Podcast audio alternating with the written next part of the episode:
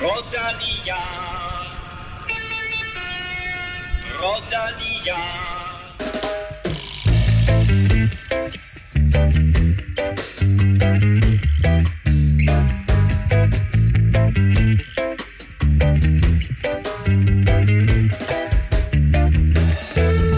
EM er slut, medaljerne er uddelt, og der kan vi roligt sige, at der var dansk medaljehøst, og udover det flere fine placeringer og fremragende præstationer. Og dermed velkommen til mine to europamestre i dårlige jokes, Kim Plesner og Stefan Jokes. Så øh, linjen lagt. Men Kim, ikke Ja. Europa-podcast uden en dansk sejr. Eller flere. Eller danske flere. sejre, Ja. ja. Skal vi tale om det senere, eller vil du bare lige sådan Nej, kort op? hvad lad det os riste dem op. Øh, Albert Philipsen øh, junior, øh, enkeltstart, det var noget ventet, må man sige, og så måske lidt mere uventet øh, Henrik Pedersen, øh, U23-linje. Øh, og så fik vi jo medaljer med, med, med ham her Befort og øh, Gustav Wang i U23 TT, og øh, de bliver kun slået af ham her, Alex Cigar fra, øh, fra Belgien. Og han er ret god. Øh, i, I U23-rækken i hvert fald. Ja, og han er også allerede på World Tour, Ja. så det er lidt, lidt anden Så- klasse. Og den stemme, du hørte der, den tilhører naturligvis Stefan Johus. Og Stefan, ja. Der er sket noget interessant i shoppen. Ja, vi, vi havde jo den her Angli Ru, øh, som var månedens t-shirt, og øh, i og med, at vi ikke fik en dansk vinder på toppen af Angli Ru, så, øh, så kom der en anden, øh, en anden ting, som vi ja. tænkte, øh, vi ville øh, lave. Så vi lavede den om til øh, All In på kus, i form af, at han vandt øh, Vueltaen jo. Der kom Så- et øh, stort pres udefra, vil jeg også sige. Der ja, var, det står øh, mange, der var med på den. Ja. Der var et stort somi-pres for, at vi lavede All In på kus t-shirten, og øh, den er vel allerede gået både viralt og blevet vores øh, øh, nummer to bestseller. Ja, det er ikke normalt Øh, og det er jo og det er lidt vildt, fordi vi har jo sådan set kun øh, skrevet om den øh, på de sociale medier, at vi har lavet den. Det her det er faktisk første gang, vi omtaler den i podcasten. Men det er altså månedens t-shirt, som nu er en øh, homage til Michael Stærke. Nå, jeg troede, det var Sepp Kuss, men øh, okay, fair nok. Øh, og, og Sepp Kuss, ja. så månedens t-shirt, all in på Kuss. Du finder den naturligvis Det var jo, på. vi- til, til dem, der ikke øh, så, øh, så det på TV2, kan vi vel godt sige, at det var Michael Stærke, der spurgte Christian Moberg. Går du så all in på kus nu? Eller, eller om Jumbo Visma gjorde, var det ikke sådan, eller hvordan var det? Ja. Øh, Du finder naturligvis den her t-shirt inde på shopvelropa.dk, så skynd dig ind og øh, tjek den ud. Det er altså månedens t-shirt. Og i dag, der er vi all in på Skelmose. Fordi vi har nemlig fint besøg i studiet. Velkommen til dig, Mathias. Tusind tak, Claus. Det er dejligt at have dig tilbage. Og øh, din sæson er slut. Det er den. Ja. Hvordan, øh, hvordan har du det? Jeg er ved at komme ovenpå igen. Nu har jeg, har jeg ikke rørt en cykel i, ja, hvad det, små otte dage. Uh, så det har gjort mig godt. Jeg er en uge tilbage, og det, den har tænkt mig at nyde. Og, øh, altså, er, er, er det svært ikke at sætte sig på cyklen? Får man lidt dårlig samvittighed? Lige nu der er jeg meget glad for det. Der har jeg ikke rigtig lyst til at se en cykel. Så der er det eneste motion, jeg får, det er, når jeg spiller paddeltennis med boys, eller øh, tager 10 cyklen fra, øh, fra, fra Kongens Nytorv her til. Men jeg var faktisk lidt overrasket, for inden vi gik på her, der fortalte du mig, at I allerede øh, går i gang i næste uge med træningen Altså, frem mod februar. Ja, jeg gør. Altså, der er jo nogen, der ikke er færdige med at køre cykelløb Ja, ja. Men jeg fik jo lov til at starte tidligt, så må man også, eller slut tidligt, så må man også starte tidligt. Så, så der, er, der er øh, lang indkøring, ja. Som man siger. Ja. Og jeg skal lige spørge, ja. du, du, jeg har si- sidste vinter, der så jeg dig ude at løbe en tur, sådan meget tilfældigt, og det faldt meget godt ned i, at jeg synes, der var mange cykelryttere, der begyndte at løbe af en eller anden grund. Er det noget, altså hvad er det, det gør for, for dig egentlig at, at løbe? Er det fordi det er, jeg ved, der er noget med bone density, der bliver snakket om, og, og styrke, men, øhm, men hvad, øh, hvad får I at vide, eller hvorfor er det, du begyndte at løbe? Det, det er bare for at lave noget andet end at cykle. jeg, synes Okay. faktisk, jeg synes faktisk, det er ret sjovt at, at løbe. Fordi at du får ret meget ud af det på, på ret meget tid i forhold til cykling. Ja. Øhm, og ja, der er ikke, altså jeg har ikke noget videnskabelig øh, evidens for, at det er bedre at løbe, eller det giver et eller andet. Jeg, jeg, jeg gør det for, som et alternativ, og som regel med mm. dobbeltpas, og så løber jeg om morgenen før morgenmad, og så kører jeg en tur på cyklen om, om eftermiddagen. Ja, okay. Ja, ja. Og nu, nu skal vi jo ikke øh, løbe med rygter her, men lad os starte udsendelsen en lille bitte smule uortodokst. Men. Fordi der er et vildt rygte i cykelverdenen lige nu, der hedder, at Jumbo Visma og Sudal Quickstep er i forhandlinger om en fusion. Mm-hmm. Hvad siger vi til det? Jamen, det, det rygte kan vi jo ikke rigtig løbe fra. Øh, det er jo, it's already out there, som man plejer at sige. Øhm, det er jo ham her, Raymond Kerkhoffs fra, fra Holland, som nu er chefredaktør, må man vel kalde ham, på det her Wieler Flitz, det hollandske medie, og tidligere tror jeg, han var på Algemeen Dagblad, så vidt, så vidt jeg husker. Meget øh, øh normal, velorienteret type, og øh, hvis ikke lige det havde været for ham, så er det ikke sikkert, at vi havde talt så meget om det, tror jeg. Men han plejer altså at være ret, øh, ret sikker i sin sag, når han, når han melder sådan noget, og den måde, de har meldt det ud på, øh, med at, at, at det kun er få detaljer, der mangler for, at de, de kan nå i mål med det her, det, det tyder på, at der i hvert fald er, at det i hvert fald er en stor mulighed. Der er så sindssygt mange ting, og en mm. stor kabale, der skal gå op.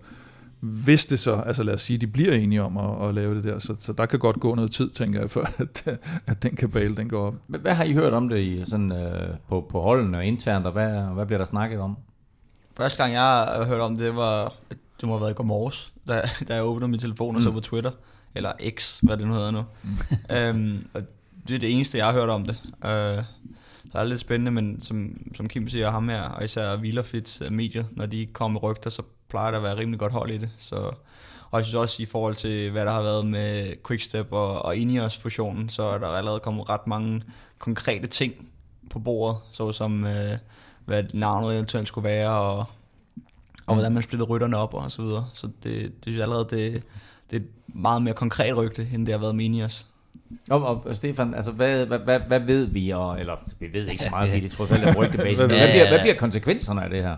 Øh, jamen, altså det er jo en kæmpe stor kabale, der skal gå op, når, når to af, for det er jo faktisk to af de største hold i, i cykelsporten, der skal, der skal fusionere, så øh, det kommer jo, det starter jo lidt med, øh, eller i hvert fald den måde, som jeg ser det på, at starter lidt med, at Jumbo stopper som sponsor, og, øh, ja, altså, supermarkedskæden Jumbo stopper som sponsor. Bum. Ja. ja. Så der, øh, der, der skal ligesom en ny sponsor til Quickstep. De har længe været ude og, og skulle bruge nogle flere penge. Uh, det vil sige, at vi har to store hold, der, der mangler lidt kapital. Hvis de går sammen, så kan de blive et superteam, uh, som kan man sige, i hvert fald det ene hold allerede er. Uh, men uh, men der, der er nogle ting der, som, uh, som jeg synes begynder at give mening i forhold til også, hvad man har set. Man har set... Uh, en, en Remco, der, der er lidt utilfreds, der måske skulle over til Ineos, eller i hvert fald, der skulle bygges noget andet op der. Øhm, der har været helt det i Vueltaen, vi har set, hvordan Roglic han måske har opført sig lidt, uh, lidt mærkeligt uh, mm. i forhold til holdet også. Øhm, så så der, er rigtig mange, der er rigtig mange rygter omkring, hvor folk skal hen, og hvorfor det giver mening, og hvordan det skulle, det skulle være. Det er Wielerflitz og rigtig mange andre medier begynder at snakke om det. Men, øh, men altså, der, der er et kæmpestort øh, problem. Øh, det som som, øh, som det store problem er jo, hvor mange rytter der er mm. øh, på kontrakt allerede nu. Øh, 50 stykker, øh, og man må maks være 30 på, på et hold. Det vil sige, der er øh, rytter, der skal forlade, øh, forlade holdet øh, frivilligt eller betales ud, øh, for slet ikke at snakke om staff. Øh, der er rigtig, rigtig mange folk, som et eller andet sted står til at miste deres øh, job. Øhm, og i den anden ende, så kan man sige, så hvis de fusionerer, øh, så er der også en World Tour licens i overskud. Mm. Øh, men det betyder ikke nødvendigvis, at, øh, at dem, som mister deres job, eller, eller bliver fyret, eller forlader holdet, de bare automatisk kan starte forfra mm. på øh, Dest- Lotto Destiny, eller Uno X, eller hvem der nu skulle, øh, skulle tage den licens. Så, så det, det er lidt en sørgelig nyhed, synes jeg. Uh, og jeg kan heller ikke se, hvorfor det skulle give så meget mening for, for, for Jumbo, at uh, med de rytter, de har på holdet, de er allerede et superteam øh, hvorfor de skulle fusionere med, med Lefebvre og Quickstep, som, som har virket til at være i, lidt i frit fald, kan man sige, udover øh, øh, Remco. Jo, man kan, altså det, der bliver nævnt, er jo det her med, at de skal ligesom øh, forsøge at, at gardere sig mod den oprustning, der sker i UAE, Bahrain, altså de her arabiske øh, cykelpenge, der kommer ind, ja. og, det, og det er sådan en fremtidsgradering mod det. For det er klart, hvis du ser lige her nu på, på Jumbos sæson i år, så, ja. så er der ikke brug for så mange garderinger. Eller noget. noget, som jeg lige så i dag også faktisk, det var, at øh, efter at øh, Jumbo har taget øh, det fulde podie i Vueltaen, så er de næsten lige så mange point som øh, UAE. Det så jeg tænkte, what? Er UAE stadig foran på ranglisten? Men det er de så åbenbart. Ja, ja. Wow. Æh, har, du, har du så tjekket efter EM? De blev ja, også, det er øh, i dag. Øh, ja, den er først opdateret i morgen. Ja, det er så et godt spørgsmål. ja, historien kom i hvert fald frem i dag, så jeg, jeg har ikke, nu har jeg ikke lige, øh, det, den skal jeg lige dobbelt blev også, men, blev ikke 1 og 2 i Luxembourg, så det kan være det derfor.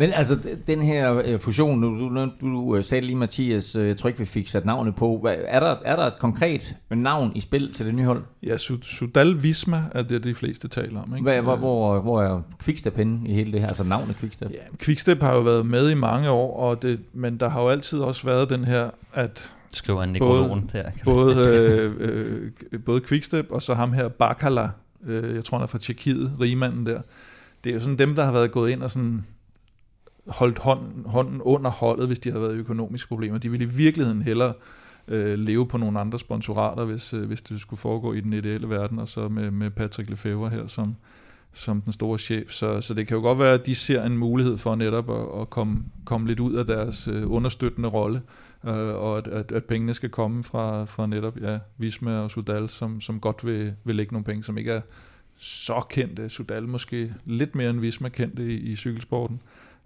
så, men, men en anden løsningsmulighed er jo også, at altså Jumbo går, eller, eller holdet Jumbo Visma går også og kigger på bare en decideret afløser for Jumbo, som bare træder mm. ind, og, og de, de ting er også stadigvæk i spil. Øh, og det er en noget nemmere manøvre, hvis de bare skal skifte sponsorlogoet ud, end, øh, end den her kabale. Så øh, jeg tror, jeg tror ikke, den her er den, der har stået sådan, som plan A i hvert fald. Men den kan komme ind jo, hvis ikke de kan skaffe en, øh, og det er også underligt, hvis ikke de kan skaffe en sponsor, kan man sige. Men en anden ting er jo også, at jeg synes, jeg har set, at Lefebvre, han har været ude et par gange og siger, at han også på et tidspunkt skal af med holdet, og Mm. så vil det jo give mening, at, at Jumbo bare overtager det, fordi så kan han komme ud, øh, eller sælge sin licens, og så... Ja, han skulle være noget sådan en slags bestyrelsesmedlem Ja. øh, eller formand eller sådan noget for det her hold, ikke? Ja. Måske trække sig lidt tilbage fra... fra Man kan også godt se nogle sådan interne konflikter komme der. Og, Det mener du alligevel. Lefebvre og Kluge og andre. Så.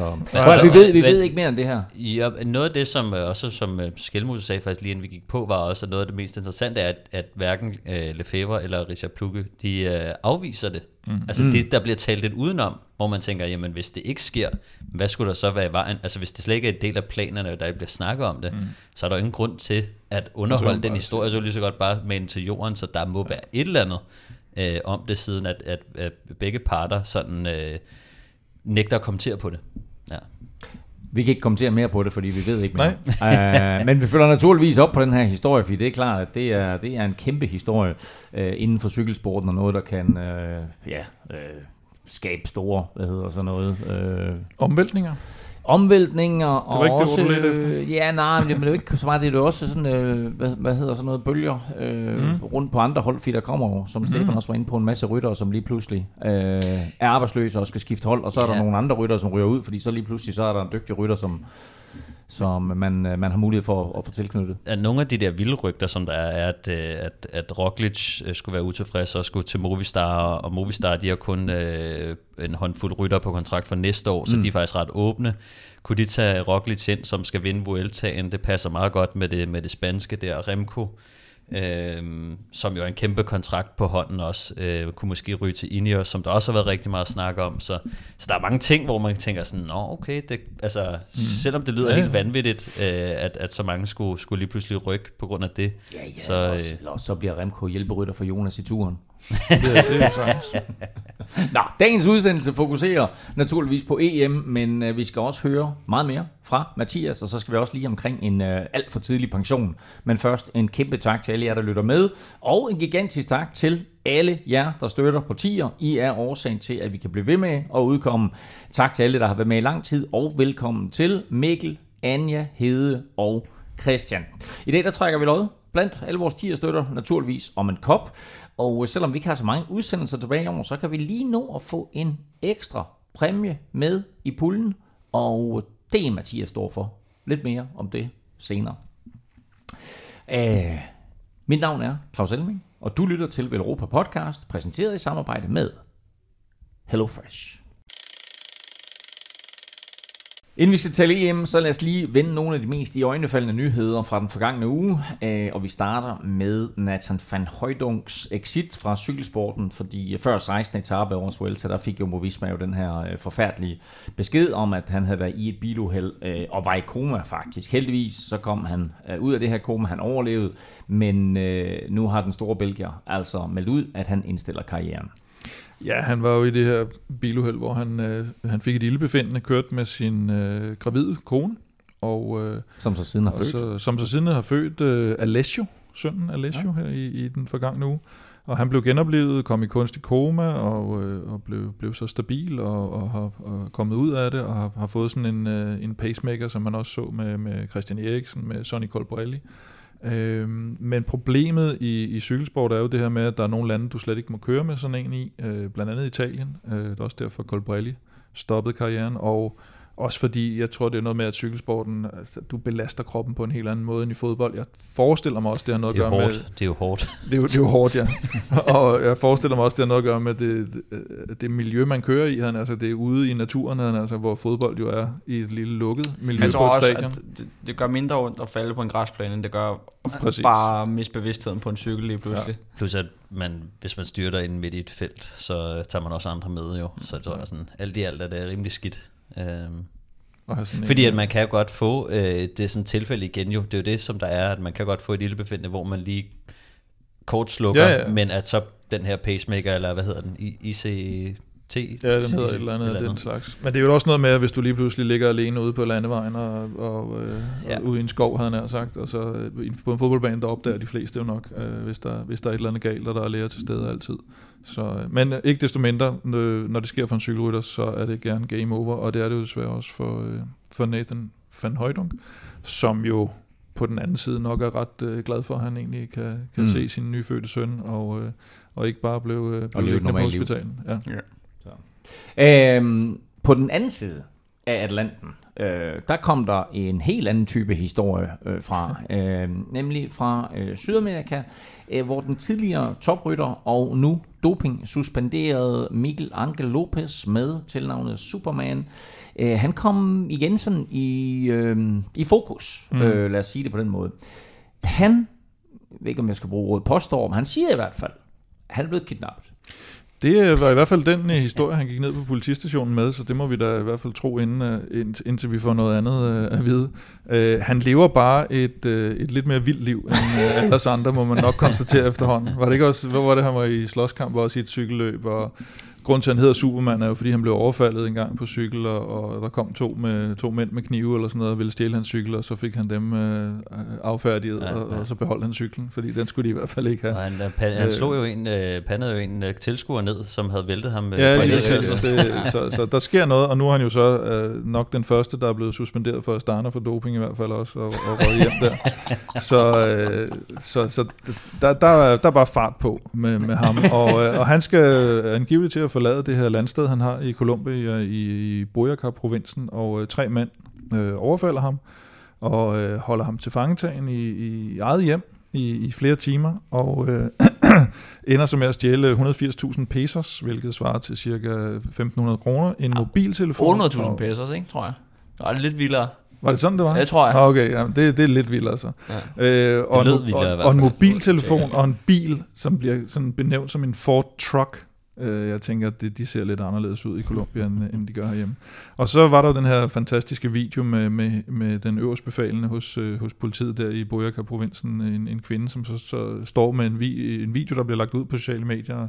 At hvis der er nogen, der har set de her, de her tre mænd, så, øh, så må de meget gerne lige uh, give besked, fordi så har de lige en, uh, en forbrydelse, de skal have opklaret. Så det, altså, ja, Så er sådan en tegning af to vild, øh, vild historie. 800.000 pesos. Ja. Jeg blev bekræftet. Ja, ja. Det svarer så til omkring 10.000 kroner. Nej, Det nej, er nej. 1400 kroner. Jo, Nå, er det 14? han,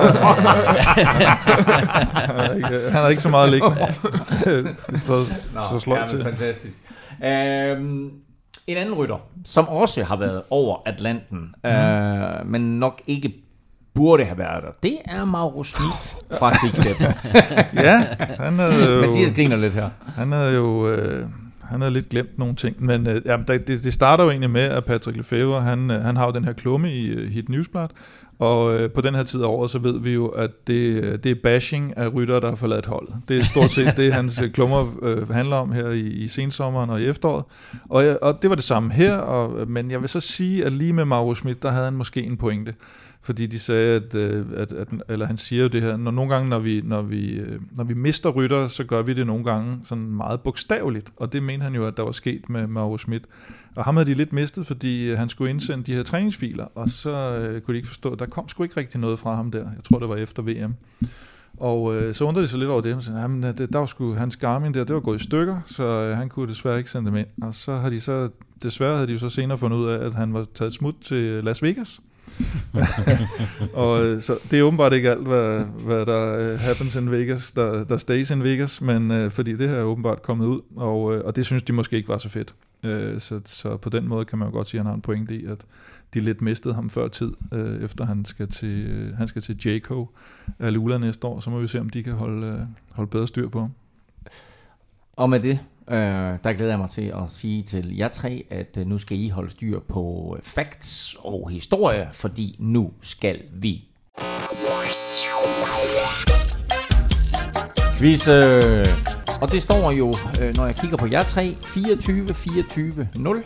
Fordi du har faktisk været med en gang tidligere i quizzen, Mathias, hvor du havde mulighed for at bringe dig foran, øh, men øh, mener, at at Stefan fik point den dag, eller så var der slet ikke point til nogen af dem. Ja, ja. Men, Det var men formentlig derfor, mig, der tog point. det var formentlig dig, der tog point. Men vi har gang i en meget, meget spændende quiz. i? Vi har gang i en meget, meget spændende Ja, quiz, og der kan simpelthen altså komme en øh, kæmpe outsider her i form af Mathias, fordi han får nemlig 25 point for at svare rigtigt på quizzen i dag. Mens der kun er et point til Stefan og Kim, hvis det er sådan, I vinder quizzen. Jeg var meget i tvivl om, i hvilken retning vi skulle gå, men jeg tænkte, at det sjoveste var at lave en last man standing. Og øh, det er selvfølgelig EM, det drejer sig om. Fordi oh, EM for eliten øh, er jo sådan set kun blevet kørt otte gange. Øh, og faktisk er der kun otte nationer, alt i alt, der har fået medaljer. Så hvem Nå, er medaljer de simpelthen. otte oh. nationer, der har fået medaljer i øh, linjeløbet, vel at mærke? I linjeløbet kun. I linjeløbet, okay. Ikke, ikke i øh, inklusiv For øh, herrer? starten. For herrer, korrekt. Er spørgsmålet forstået? Yeah. Ja. Ja. Så har jeg kun én ting til jer tre. Lad nu være med at google. Og i øvrigt også dig, der lytter med. Skelmose er på jagt efter Tadej Pogacar, men han har slået hullet, sloveneren. Men prøv lige at se, hvem der kommer der. Mathias Skelmose. Kan du nå ham? Nej, men en meget, meget flot andenplads til Mathias Skelmose.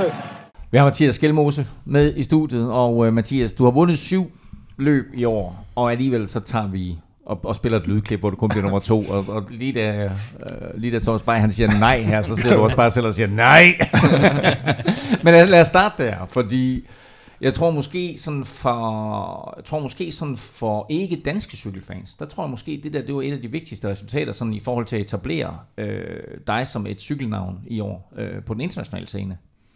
Ja, det var også mit første store resultat. Var først øh, på, på, på World Tour øh, scenen. Så ja, det var også klart det, der satte noget ekstra i gang for mig i år. Og det var sådan noget, glemte jeg lige at introducere, det var selvfølgelig fra Flesh Vallon, hvor, øh, hvor øh, Tadej Pogacar, han vinder. Øh, men du er jo, øh, altså vi sad og råbte og skreg af fjernsynet, ligesom, ligesom bag her, fordi du, var- du, var så, du var så tæt på at, at blive, blive nummer to. Øh, Podium Flesh, samlet sejr i Schweiz rundt, Danmarksmester, sejr på Vejle-etappen, øh, i, i, Dan, i PostNord Danmark rundt, og øh, et hav af andre fine resultater. Hvad har selv været sådan, altså hvad, hvad er dit eget højdepunkt for 2023? Øh, DM. 100% DM. Også foran Schweiz rundt? Ja, 100%. Hvordan kan det være? Fordi at øh, DM er bare så specielt en sejr, og det er det cykelløb, der er så svært at vinde. Og så, får du bare den her Dannebrogs-trøje. Altså, lige vores hold gør det ikke, men mange andre hold, de, øh, uanset hvad du kommer til at køre i resten af karrieren, så har du et dansk flag på, på ærmerne, som bevis på, at du har været dansk mester. Og det er bare sådan noget i cykelsporten, hvor alt er så ens, at du så kan skille dig ud bare en lille smule. Det, det betyder ret meget. Og, og jeg, jeg sidder jo sådan og lidt forbløffet, fordi jeg, du siger, at det er et svært løb at vinde. Jeg tænker, at Schweiz rundt har heller ikke været helt nemt at vinde. Nej, selvfølgelig var det ikke det. Øh, men Schweiz rundt, det kan du godt vinde på at være den bedste rytter. Og DM, det er bare svært at vinde ved at være den bedste rytter. Mm. Fordi at rullerne i Danmark er bare ikke så hårde, at du bare kan køre fra folk. Og de danske rytter er, er bare heller ikke øh, ja, er dårlige. Altså, det er en høj øh, niveau, vi har på kontinentalscenen. Og, og øh, ja, det er bare, mange gange går der taktik i den, og så selv, uanset hvor god du er, hvis du kører mod 16 rytter, altså der, der er, er måske er mindre gode end dig, men bare det, de er 16 og kan bruge overtallet, det kan betyde rigtig meget. Og der skal gå rigtig mange ting rigtigt for os. Altså i år, der, der, der var vi i gåsøjne heldige og, og, og smarte ikke at lade nogen fra Uno X køre med i udbrud. Og det betød, at det ikke kun var os, der skulle kontrollere. Og det kan godt være det, der har, har gjort, at vi skulle køre om sejren. Når, når Jeg jeg, tror- tænker tilbage på, på DM, du får lov til lige bagefter, Stefan. Når jeg tænker tilbage på DM, så tænker jeg faktisk på, at det var så tydeligt, at du var den stærkeste af alle. For den måde, du kørte det DM på, det var ligesom om, der sagde du, jeg kommer ikke til at lade nogen som helst få nogen som helst chance her, og så kørte du fra dem. Ja, jeg tror, den eneste, der kunne have slået mig den dag, det var Mads Pedersen. Og i og med, at alle mandsopdækkede ham, så gav det mening, at det var mig, der fik lov til at komme afsted. Og så fik du den Danmarks trøje der, som betyder så meget for dig. Ja, Ja, jeg tror også øh, i forhold til, hvor, hvor vigtigt DM er, og hvorfor alle øh, danskere har... Jeg tror, man har et forhold til DM, siden man... Altså, når man starter med at cykle, så er DM noget specielt. Øh, ligesom Schweiz rundt er måske ikke noget, som de fleste kører tænker på øh, i børneklasserne, så DM... Så man har et forhold til DM ret tidligt, og ved, hvor, hvor mega svært det er at, at, at vinde det der. Der er meget få, som egentlig får hul på bylden. Jeg tror måske... Michael Mørke var måske den eneste, som sådan har sådan for alvor taget sådan flere DM-titler i, i streg, og har sådan lidt sin egen lille formular på det, men, øh, men det er bare skidesvært. Øh, og, og så tror jeg bare sådan, at øh, den der respekt, der kommer med, man kører i den trøje, øh, og der er så, så meget respekt omkring, øh, hvad hedder det, DM-titlen blandt kollegerne og de andre danskere, ikke? og når, der, når niveauet er så højt i Danmark, så gør det jo bare lidt ekstra specielt. Hvordan var det, nu ved jeg godt, at, at farven måske ikke var helt rigtig. Hvordan var det sådan første gang at åbne den der pakke med Danmarks trøjen, altså DM-trikonen, og, og skulle trække den på? Ej, jeg blev glad. Jeg, jeg blev glad, da jeg så den. Øh, og det er jo ikke sådan... Øh, farven var ikke den helt rigtige, fordi at det ikke er den... I min optik, der er Dannebrogs rød. For mig er, er Dannebrogs rød den, vi har på postkasserne. Og det. Mm. Og, men det var jo den farve, vi har fået i DSU, og det er jo den farve, landsholdet kører i. Um, så det var jo stadig specielt for mig. Um, men det vil sige, det var lidt ekstra specielt første gang, jeg kørte i, i den, jeg synes var den rigtige Dannebro. Og du har jo, øh, som jeg lige nævnte, vundet øh, syv sejre i år. Øh, er der sådan et, hvad skal vi kalde det, nederlag, øh, som du tænker tilbage på, at øh, der vil du enten have gjort noget anderledes, eller du ærger dig over den, som det gjorde? Altså, selvfølgelig ville jeg gerne have kørt klassement i turen, men jeg synes stadig, at jeg får kørt en flot tur, selvom jeg, jeg rører ud af klassementet. Uh, Liège? Ja, Li- Lies var jeg skuffet, fordi jeg følte, jeg var bedre end det resultat afspillet. Og jeg følte, jeg kørte uh, dumt eller var, var uheldig. Um, og det, Dumt. Åh, oh, det er en hård, det er hårdt at komme i den podcast her. Uh, jeg Jamen, glæder mig til ikke alle, der kan vinde Amagers løb, vel? Så det, øhm, Den har du også til gode. ja. Ikke? Nej, jeg, jeg, jeg tror, Lies var der, jeg var mest skuffet. Og, øh, når, Jeg kan huske, der er med øvrigt, det er jo grund til, at jeg, og jeg også siger det, og det er fordi, jeg, jeg kan huske, vi snakkede om det øh, efterfølgende, hvor du også selv var ude, og din kommentar umiddelbart efter løbet var også meget sådan øh, hårdt mod dig selv, mm. hvor jeg også tænkte sådan, okay, men også den, altså det sagde bare meget om den, øh, de målsætninger, du havde, og det niveau, du havde, at du allerede på det tidspunkt øh, lige pludselig, kan man sige, i dit gennembrudsår, som, som jeg ser helt klart i, i år, mm. øh, at du allerede der går ud og basher dig selv for ikke at gøre det bedre i Læsbestad og Læs, Ja. så tænker jeg, okay, der, der kommer nok noget stort fra, fra Mathias. Men hvad var det, der gik galt i, øh, som du husker det? Altså, der var den der kabale med, med folk, der angreb, og, og du var lidt afventende, så vidt jeg, jeg, så vidt jeg husker, ikke? Ja, altså mig og Chikone og Pitcock ligger jo øh, lige bag Renko. øh, I et godt stykke tid, indtil vi rammer ikke Rochefoucauld, men den øh, lige før, den der hovedvejsbak. Og så bliver vi hentet bagfra, og så går lidt øh, indianerløb i den, og så kører Pitcock, Buitrago og Healy afsted på Rochefoucauld. Og der føler jeg ikke, at jeg ikke kan gå med, øh, med at afvente lidt og ligesom lade andre køre, fordi jeg føler ikke, de kører sådan super stærkt væk, men de får bare lov til at køre. Mm. Og så prøver jeg at gå efter, og jeg føler godt, at jeg kan lukke, men jeg er stadig mange på hjul, og så vil jeg ikke køre alle med op, og i bagkloksklamens skyld skulle jeg bare have lukket med det samme. Og så blandet kort igen. Mm. Det, det får jeg ikke gjort, men det er en erfaring, jeg har taget nu. Og jeg vil hellere tage den erfaring, og så altså, i stedet for at køre om andenpladsen, køre om at blive nier, end at gøre det i et løb, hvor, at, eller i, i, på et tidspunkt, hvor at det kunne have været om sejren. Mm. Så altså, selvom det er irriterende, så er jeg glad for, at det skete i, i den her situation, og ikke øh, senere, hvor jeg forhåbentlig kan køre om sejren i det løb. Mm. Vi hører jo fra, fra Mads altid, at- det drejer sig for ham om at, at vinde Paris-Roubaix. Det et løb, han ligesom har udset sig, han gerne vil vinde. Er der et løb, som du tænker, det der, det vil jeg gerne nå at vinde i karrieren? Ja, øh, altså turen vil jeg selvfølgelig gerne vinde. Det, det er det, min mål og drømme er. Men sådan, lidt mere realistisk, så er, er, er VM et, et stort ting for mig.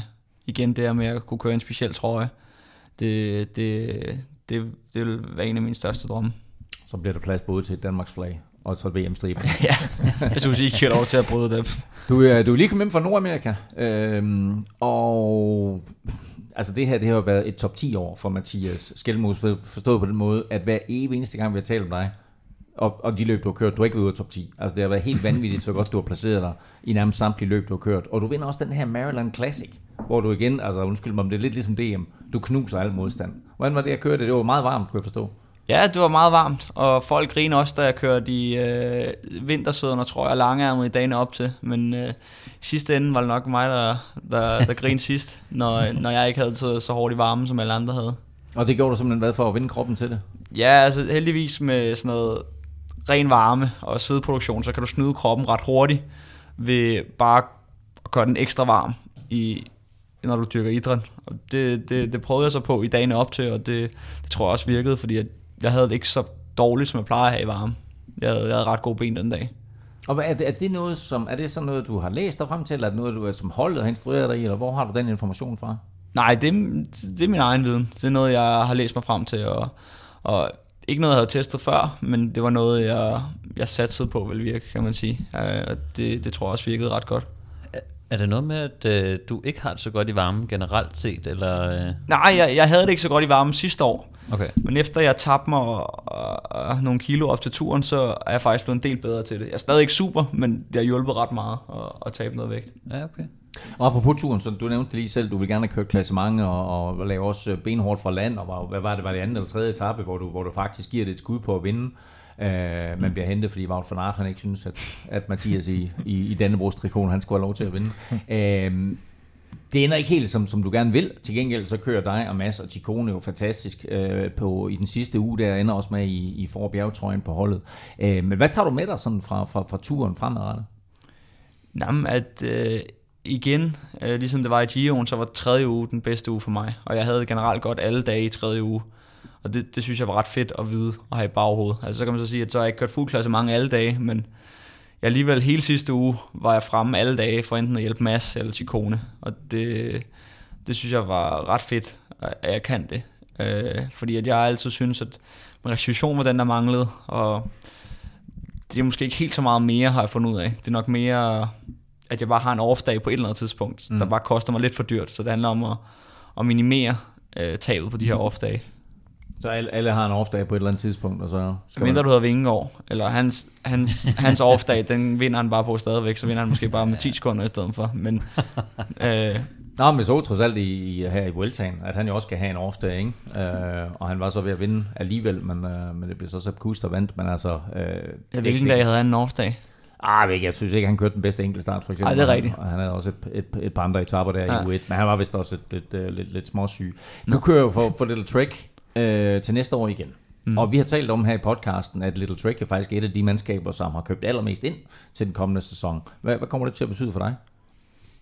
Jamen, altså, vi bliver jo kraftigt forstærket øh, på alle kanter, øh, så jeg glæder mig til at se. Og nu har vi jo haft i år den bedste sæson holdet nogensinde har haft, og det er altså et hold, som startede ud med Leopard Trek, hvor det var Andy Frank, Slæk og, og Fabian Hans Larter, der var frontfigurer. Ikke? Mm. Så det synes jeg siger ret meget øh, om øh, det, vi er i gang i nu. Og så med de forstærkninger, vi har, så, så håber jeg på, at vi kan bygge videre på den her øh, ja, rytme, vi har sat i gang. Og håber på, at vi kan få et endnu bedre år næste år igen. Og en af de rytter, der kommer til, det er jo så Theo Gagan Hart, øh, som jo på en eller anden måde også skal have øh, sine chancer i klassementet. Ved I allerede på nuværende tidspunkt, hvordan det kommer til at fungere? Nej, jeg tror, det kommer meget an på, hvordan øh, Tao er kommet tilbage oven på øh, hans styrt. Øh, øh, med sådan nogle voldsomme skader, så, så, så kan man desværre risikere, at de ikke kommer helt tilbage. Øh, jeg, jeg ved ikke, hvordan Tao har det, øh, men selvfølgelig skal han have chancen, øh, øh, hvis han kommer tilbage til normal styrke. Men det kan jo selvfølgelig godt tage tid, så altså, hvis han ikke er klar næste år, så vedholder det også. Øh, men nej, vi har ikke været mere inde på, hvad de forskellige øh, roller er endnu. Mm. Men med, med, nu kan man sige, det er faktisk meget sjovt at se på, på Lille Trick, at uh, Mads og dig er dem, der har, tror jeg, størst betydning for, for deres hold af alle. Vi scorede 42 procent af pointene, kunne jeg Ja, se. præcis. Ja. Øh, hvilket jo er fuldstændig vanvittigt. Men det, som jeg også tænker på, så i forhold til dig, når du begynder at stige lidt i hierarkiet, om du også måske får lov til at øh, få, altså pege lidt på lidt mere, hvad du vil have, eller, eller hvordan kan du, kan du mærke, at du sådan er steget lidt i graderne på, på nogle måder? Nej, altså jeg, jeg synes allerede i år har jeg kunne få meget det løbsprogram og de træningslejre, jeg ville, og, og lidt gøre, hvad der passede mig på den måde. Øh, og jeg synes ikke rigtigt, det har ændret sig øh, i år. Altså, jeg er ikke, øh, de har ikke spurgt mig ind til rytter eller noget, øh, okay. så øh, på den måde har det ikke ændret sig endnu. Nå, okay. Jeg tænker, fordi man kan mærke på, på Mads helt vildt, altså det, det kan man i hvert fald også se udefra, at han har fået det meget, som man vil have det, ikke? Øh, Men, øh, men jeg tænkte bare, at øh, det kunne være, at du måske havde fået lov, at de kom til dig og spurgte, hvilken Grand Tour næste år måske, eller er der nogen, du kunne tænke dig at køre med, og så videre, eller, eller er I ikke nået til det punkt endnu måske? Nej, ikke. øh, Vi, vi har de første møder her på vores første holdtræningslejr i, øh, i USA i midt oktober. Og så, så har jeg en plan, jeg gerne vil fremlægge hold, og så, så håber jeg, at de er enige med den. Øh, Det er meget lige alt det, jeg har kørt i år, så det, det virker som en god opskrift. Mm, okay, så turen, nogle, kla- nogle øh, forårsklassikere, øh, Ardenner og så øh, turen som Ja. udgangspunkt. Ja. Ja, Over under syv sejre næste år. Jeg siger over. Det, det kommer an på, hvad det er for nogen jo. Ja, ja. jeg vil, jeg vil gerne sige over, men jeg tror, den bliver svær at slå. Men øh, også fordi jeg ved, hvilke løb jeg højst sandsynligt skal køre, så det bliver, det bliver nok svært at slå. Men, Det er øh, syv gode sejre, så. ja, syv, syv, jeg vil gerne sige syv sejre igen. Det, Sådan. det vil jeg gerne gå med til. Det, det holder vi op på. Ja. Nu skal vi til gengæld tale om EM. Inden vi skal tale om herrenes EM og eliten øh, og et øh, helt igennem forrygende løb, i øvrigt med en vanvittig afslutning, så har vi en stribe medaljer, og endda to af fineste karat hos de yngre ryttere, som øh, vi øh, i Danmark godt kan være stolte af. Og du var lige omkring det i starten, Kim, og øh, lad os bare lægge ud med den største overraskelse, tror jeg godt, vi kan sige, nemlig at 18-årige Henrik Pedersen blev europamester i U23-rækken. Ja, både fordi han gjorde det jo for udbrud, og så, øh, man kan sige, overraskelse over, altså, vi ved jo, at han er stort talent. Han har allerede kontrakt med, med Uno X Development fra, fra næste år, og, og har egentlig lavet en langtidskontrakt med ham, også på eliteholdet, der, der strækker sig helt frem til, til 2027. Så der er jo ikke nogen, der var i tvivl om, at han var et stort talent, men, men det der med at vinde øh, U23 mesterskabet som 18-årig, det er, det er alligevel tidligt. Det, det, det, er de, det er de færreste, der gør det. Han, så- er meget, han er meget øh, veludviklet, kan man se. Ja. Altså, han er, sådan, han er sgu noget af en, øh, en basse alligevel. Mm. Øh, så, så, men, men er vildt spændende, altså allerede. Øh, og, og, og, Lå i udbrud med en 3-4 andre, og så ender de med at være to sammen. Ja, to andre, og så slår han jo øh, ham her, Ivan Romeo, øh, som mm. kører på Movistar, øh, som også har kørt... Øh, han har kørt Paris-Roubaix og alle de her store løb øh, i, i ja. løbet af året, ikke? Så, øh, så ikke en mand, der burde være nem at, mm, at, at køre over. Øh, men altså, ja, så det siger også bare lidt om, om hans talent, ikke? Vanvittigt flot af, af Henrik Pedersen, og øh, også på øh, U23, øh, eller i U23-rækken på enkeltstarten, øh, fik vi medalje, eller faktisk må jeg hellere sige medaljer, fordi øh, vi nappede nemlig både sølv og bronze. Ja, det var efter ham her, øh, Alex Segard, som kører på øh, Lotto Destiny, øh, som er 20 år, øh, også et, af de her helt, helt store talenter. Han, øh, han vandt også sidste år, øh, og han vinder også sådan lidt overlegent øh, i år med 38 sekunder ned til Karl Frederik Bevort, som vi også kender fra, øh, fra banen meget, øh, men han er også øh, dansk mester i øh, U23 enkeltstart. Øhm, så, så, og, og han skal jo køre på, på Uno X næste år, rykker han jo op fra, fra development-holdet til, til voksenholdet, så meget spændende. Og så øhm, selvfølgelig Gustav Wang, øh, som, øh, som, som, som bronzen, som også kan man sige er en af de øh, store øh, enkeltstartstalenter på, på den danske scene, som kører på øh, Restaurant Sui i Karl Ras. Så øh, vi bliver ved med at producere de her tempomaskiner, øh, som vi har gjort i, i mange år her, altså to, der, der napper øh, sølv og bronze i U23-rækken. Og så hos, hos juniorerne, der har vi jo talt lidt om, øh, og jeg tror, altså ikke siden Remco har vi talt så meget om en juniorrytter. Åh, oh, Skelmose, tænker jeg. Ja, men ved du hvad? Altså, ingen, Vi talte der med dig. Ja, vi talte med, men, Ja, ved du, men jamen, ved du, altså, vi, har, vi har nævnt Albert Philipsen et par gange i år. Og han bliver altså ved med at imponere. Han er nu også europamester på enkeltstart. Ja, han er, han er lidt et usædvanligt talent. Også fordi han gør det jo i, i flere forskellige øh, øh, grene af, af cykelsporten. Og han er Og- første års junior. Og han er førsteårs junior, og han har stort set hele World Tour top øh, øh, holdene, der allerede nu ligger og, og, og jagter hans øh, underskrift på en kontrakt. Jeg kan sjov sidehistorie. Efter VM, der havde han ni World to hold besøg på hotellet. Ja. Og han får er ikke, 16. Han var 16. Han, er ikke, han får nok ikke svært ved at finde en, en kontrakt, men det, det bliver jo, altså, vi har så også været inde på det her med, at der er forskel på, at øh, det er ikke alle juniorrytter, der udvikler sig lige så godt som Remco og øh, Mathias Gjelmose, men, øh, men, men det, at han, øh, han gør det over så bred en, en kamp der, det, det, det tegner til, at der, er- der er et usædvanligt talent her. Kender, du, kender du mere til ham, Mathias? Nej, men øh, jeg tror ikke engang, han behøver at udvikle sig. Jeg tror allerede, han behøver... han kan jo cykle rundt om os alle sammen. Vi, vi jokede med til, til Aftensmadsporet til VM, at vi lige skulle nyde de næste to år, fordi at om to år var det ham, vi kørte VM for. Ja, sådan kan man også se på det. Nå, nu øh, skal vi øh, tale om noget helt andet, fordi øh, nu skal vi nemlig sådan øh, lidt i køkkenet. Aftensmad. Stressende indkøb i ulvetimen. Ingen tid til et hjemmelavet måltid. Med Hello Fresh er oplevelsen anderledes. Du får enkle opskrifter og lækre retter, som hele middagsbordet elsker. Skræddersy din måltidskasse på hellofresh.dk. Forfriskende enkelt. Nu skal vi snakke mad og måltidskasser, og øh, jo det her tilbud, som vi har haft et stykke tid nu, hvor du kan få hele 1.153 kroner i rabat på dine første fem måltidskasser, hvis du har lyst til at prøve øh, Hello Fresh. Sund og varieret kost, masser af forskellige opskrifter, faktisk op til 28 af slagsen om ugen, og masser af muligheder, og øh, du kan altså nu prøve 5 uger med en rabat på 1.153 kroner. Øh, og det kan du ved at gå ind på hellofresh.dk, skråstreg Velropa, øh, og så støtter du altså podcasten her, samtidig med, at du kan opnå den her rabat. Mathias, Øh, når I cykler ude på de store landeveje og turen og diverse løb, så har I jo der- jeres egen øh, sådan food truck og kok med. Er der sådan, øh, er der sådan et måltid, hvor du tænker, det der, det kan jeg godt lide. Det var rart, du lige lavede det til os i dag. øh, vores italienske kok laver en øh, pistache øh, crostata. Den er jeg rimelig glad for. Dessertmand. Ja, helt klart bedst til dessert. Men ej, det, det, ej, han laver også en god, øh, han laver en risotto med jordbær. Okay. Okay. Ja. Det, det smager godt. Ja, I gamle dage, der jokede, ja, det var sikkert rigtigt nok, men Rolf han sagde jo altid, at øh, han levede på, på pasta og, og tomatsauce. Der, der er det blevet Det lidt gjorde mere- jeg stort set også under turen. Gjorde du det? Ja. Det var ris, øh, olie, og så en eller anden form for kød og grøntsager. Ikke noget Jamen, det var sovs. trods alt kød. Ikke? Rolf han mener, han, han fik ingen kød. Det var ren, ren pasta og tomatsauce.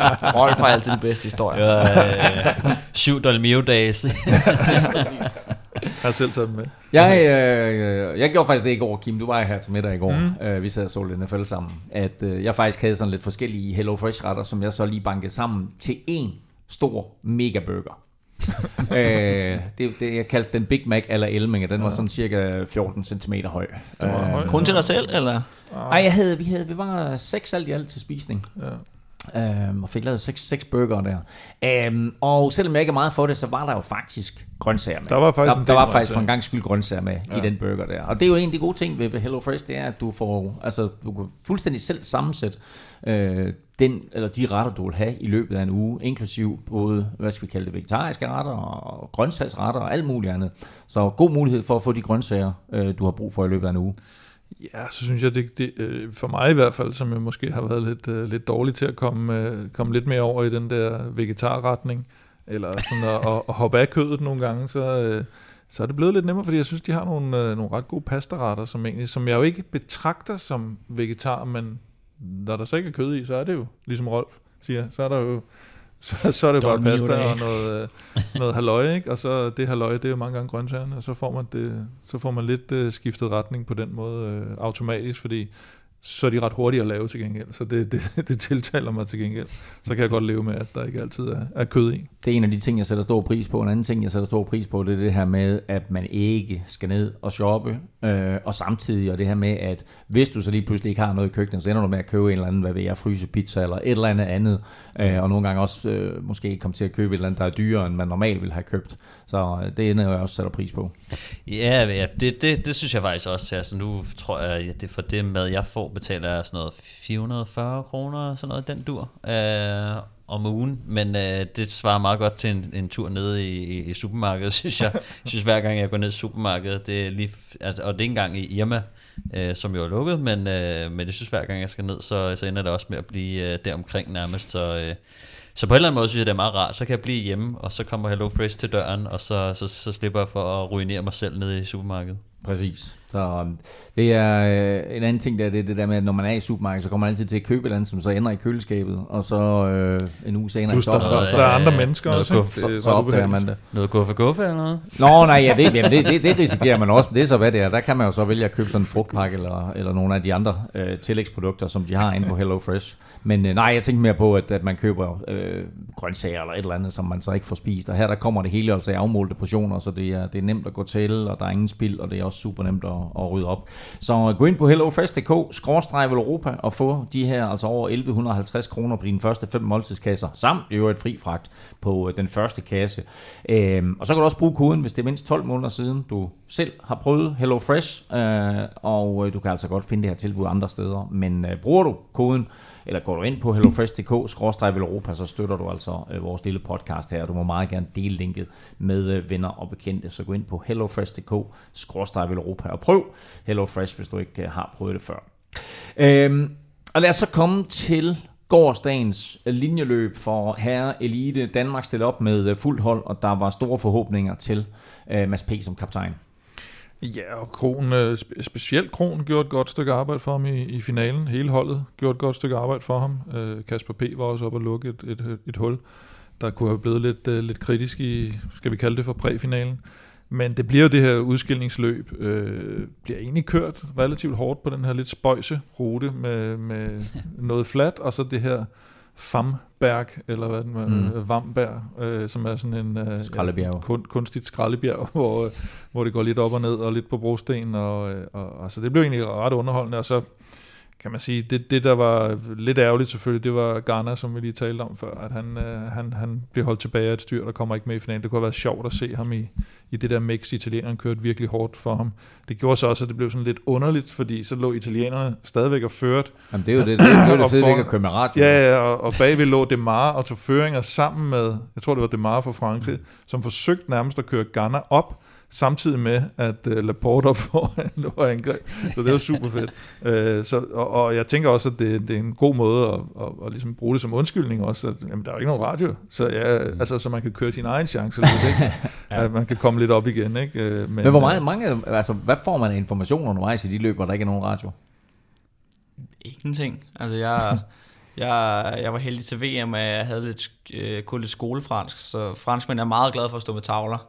Så der kunne man forstå lidt, men øh, ellers så får man ingenting. Altså, Har I ikke nogen, der står, dem der står med dunke og sådan noget, der måske råber nogle tider og sådan noget, det synes jeg, men det er vi, måske, vi jeg fik ikke noget at vide. Jeg ved, der er nogle nationer, der er glade for at stå med tavler. Mm. Og så kan du selvfølgelig råbe, og så kan de måske svare. Altså, for eksempel det VM i år, der var det umuligt at komme ned til bilen. Ja. Mm. Altså, så det er meget... Jeg tror også, det kommer meget ind på ruten, fordi i nogle ruter, der kan du godt komme ned til bilen, og noget... Ja, den til VM, der var umuligt Ja, at komme... det kunne du, øh, altså, ja, du var ja. bag feltet, så havde du ikke nogen chance for at komme tilbage igen. De lå, øh, afslutningen på løbet her var en lang indkørsel, og så øh, var det seks runder øh, på den her, med det her Famberg i, i Drenthe. Øh, og for hver runde, de kørte, og for hver gang de skulle bestige det her bjerg, så røg der altså rytter ud af bagenden. Til sidst så sad de der en, en 10-12 rytter tilbage og skulle afgøre det, øh, afgøre det blandt sig, blandt andet med altså Andreas Kron og Mads P. Jeg synes, Mads så så overskudsagtigt rigtig langt hen ad vejen. Og så sker der det der med, at lige pludselig, så stikker Christoph Laporte af, og det skulle vise sig at blive afgørende. Ja, det var...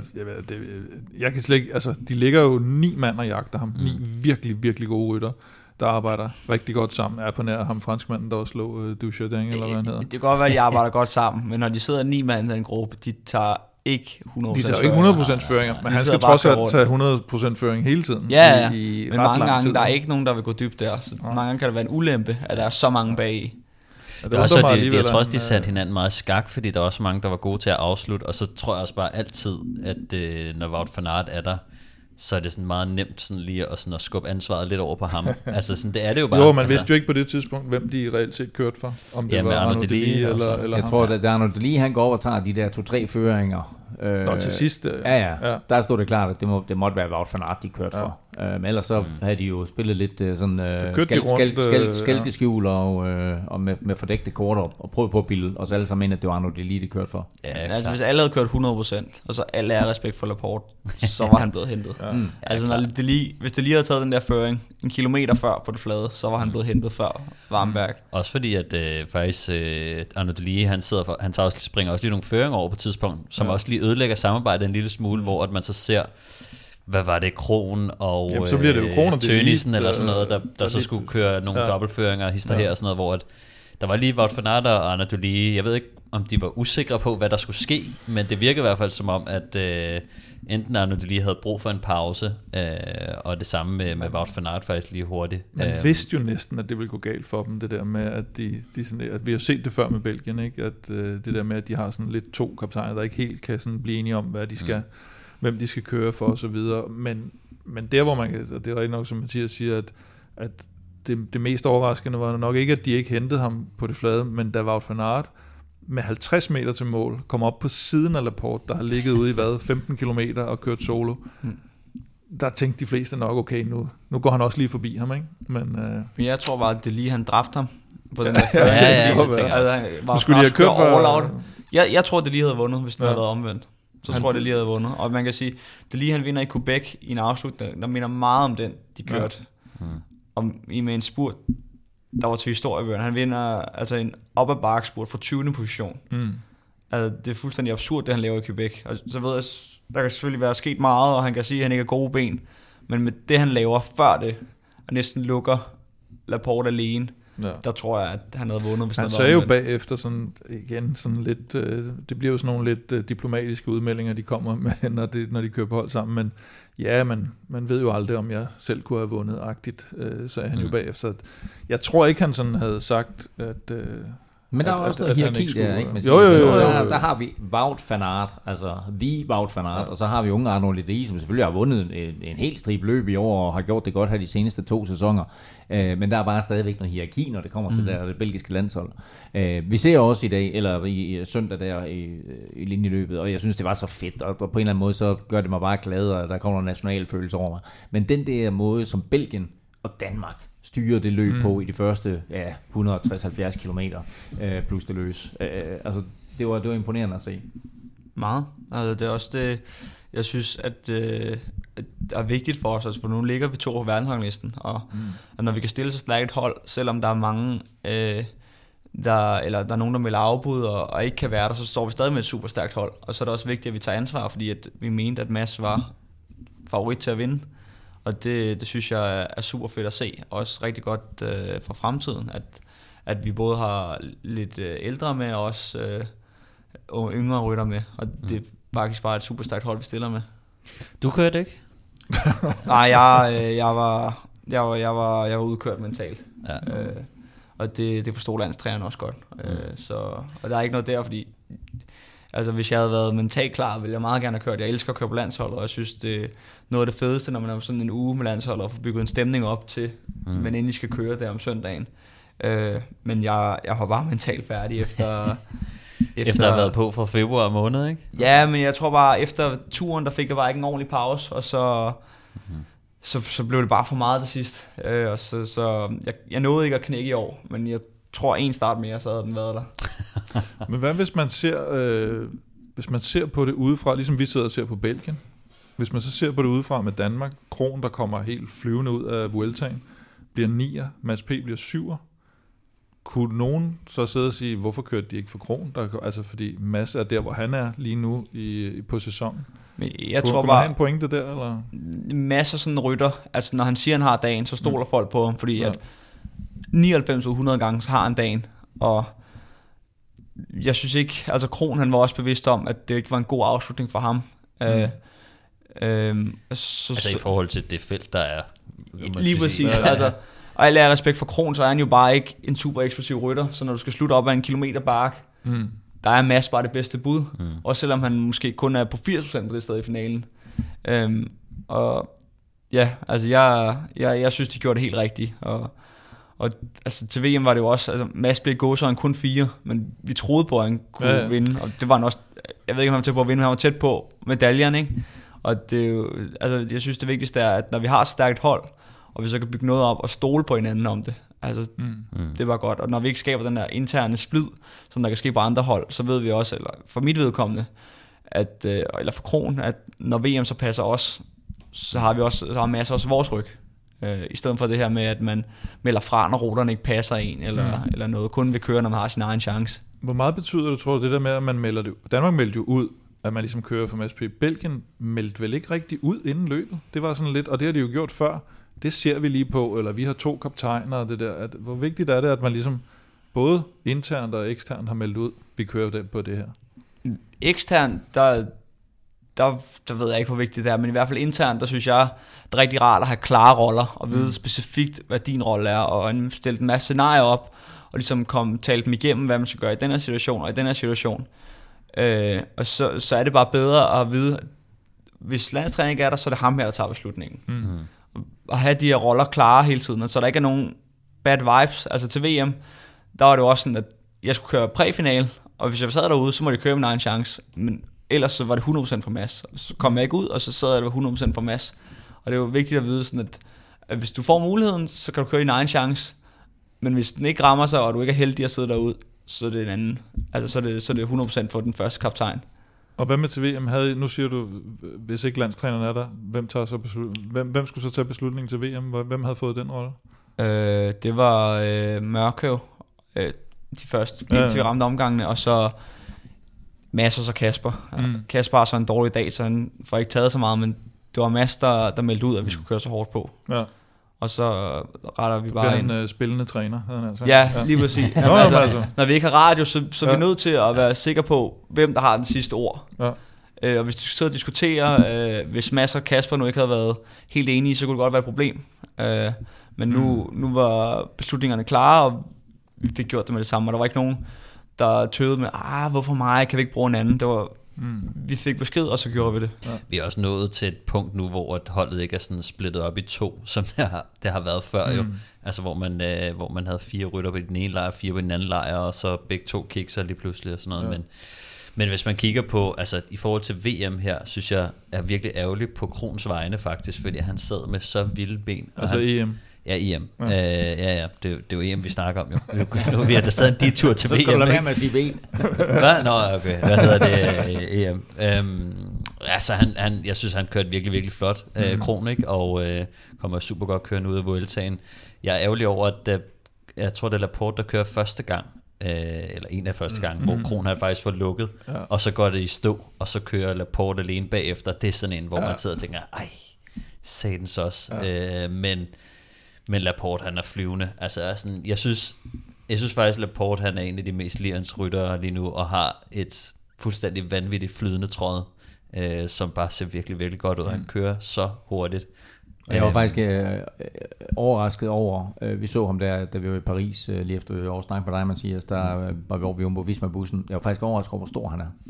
Øhm, Han er en stor mand. ja, han er en stor mand, og han kan altså godt træde en, en, en ond pedal.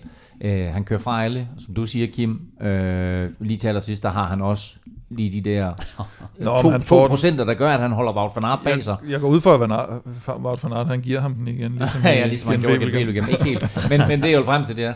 Han øh, har kræfterne til lige at holde ja. Wout van Aert bag sig. Øh, Wout van Aert bliver toer. Øh, Olaf Køj bliver treer. Hmm. Det er fransk, belgisk, hollandsk. Men mere interessant, det er tre jumbo visma Ja, det er vildt nok. Ja, ja, men det siger jo også, altså det, nu har de jo været på toppen, øh, også i Vueltaen, kan man sige, øh, og, og så mange andre steder, øh, at øh, det virker som om, de bare har øh, gjort alt det rigtige og fundet opskriften i orden. Mange gange så er det også det, når man har fået lagt alt det hårde arbejde i off-season og i foråret og op til sommeren, øh, så på den anden side af sommeren, der kan man meget nemmere ride på bølgen. Øh, fordi noget af det, som der er svært som cykelrytter, det må Skelmose, nu, nu har du ikke haft så mange dårlige sæsoner, øh, men det er rigtig svært, hvis man kommer dårligt ind i sæsonen, fordi man har så lidt at justere med mellem cykelløbene, så du først starter dit program, hvis du får en røvfuld i starten, så er du sådan, "Nå, så kommer jeg hjem, så skal jeg lige slappe af, så har jeg lige fire dage, hvor jeg kan træne, så skal jeg afsted igen. Men sådan har alle det jo.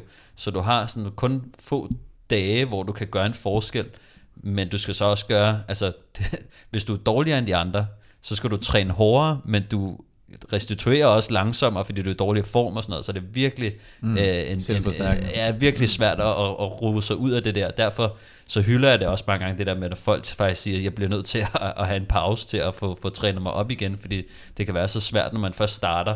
Og hvis øh, Skelmose, øh, nu, hvis man siger, nu har jeg altså det her forårsprogram, hvor at det kører rimelig meget back-to-back med, øh, med weekenderne, og måske noget øh, midt på ugen også en gang imellem. Øh, så, øh, men Jumbo Visma, det virker som om, de har, de har reddet på bølgen øh, hele vejen til, til nu, og øh, det bliver spændende at se, om, øh, om de bliver ved med at være lige så gode øh, Nu, nu, er næste det, år. nu er det jo landet det her, øh, Mathias. Men jeg tænker man over som rytter bagefter. Hold da kæft, det var så lige tre jumbo med rytter det der.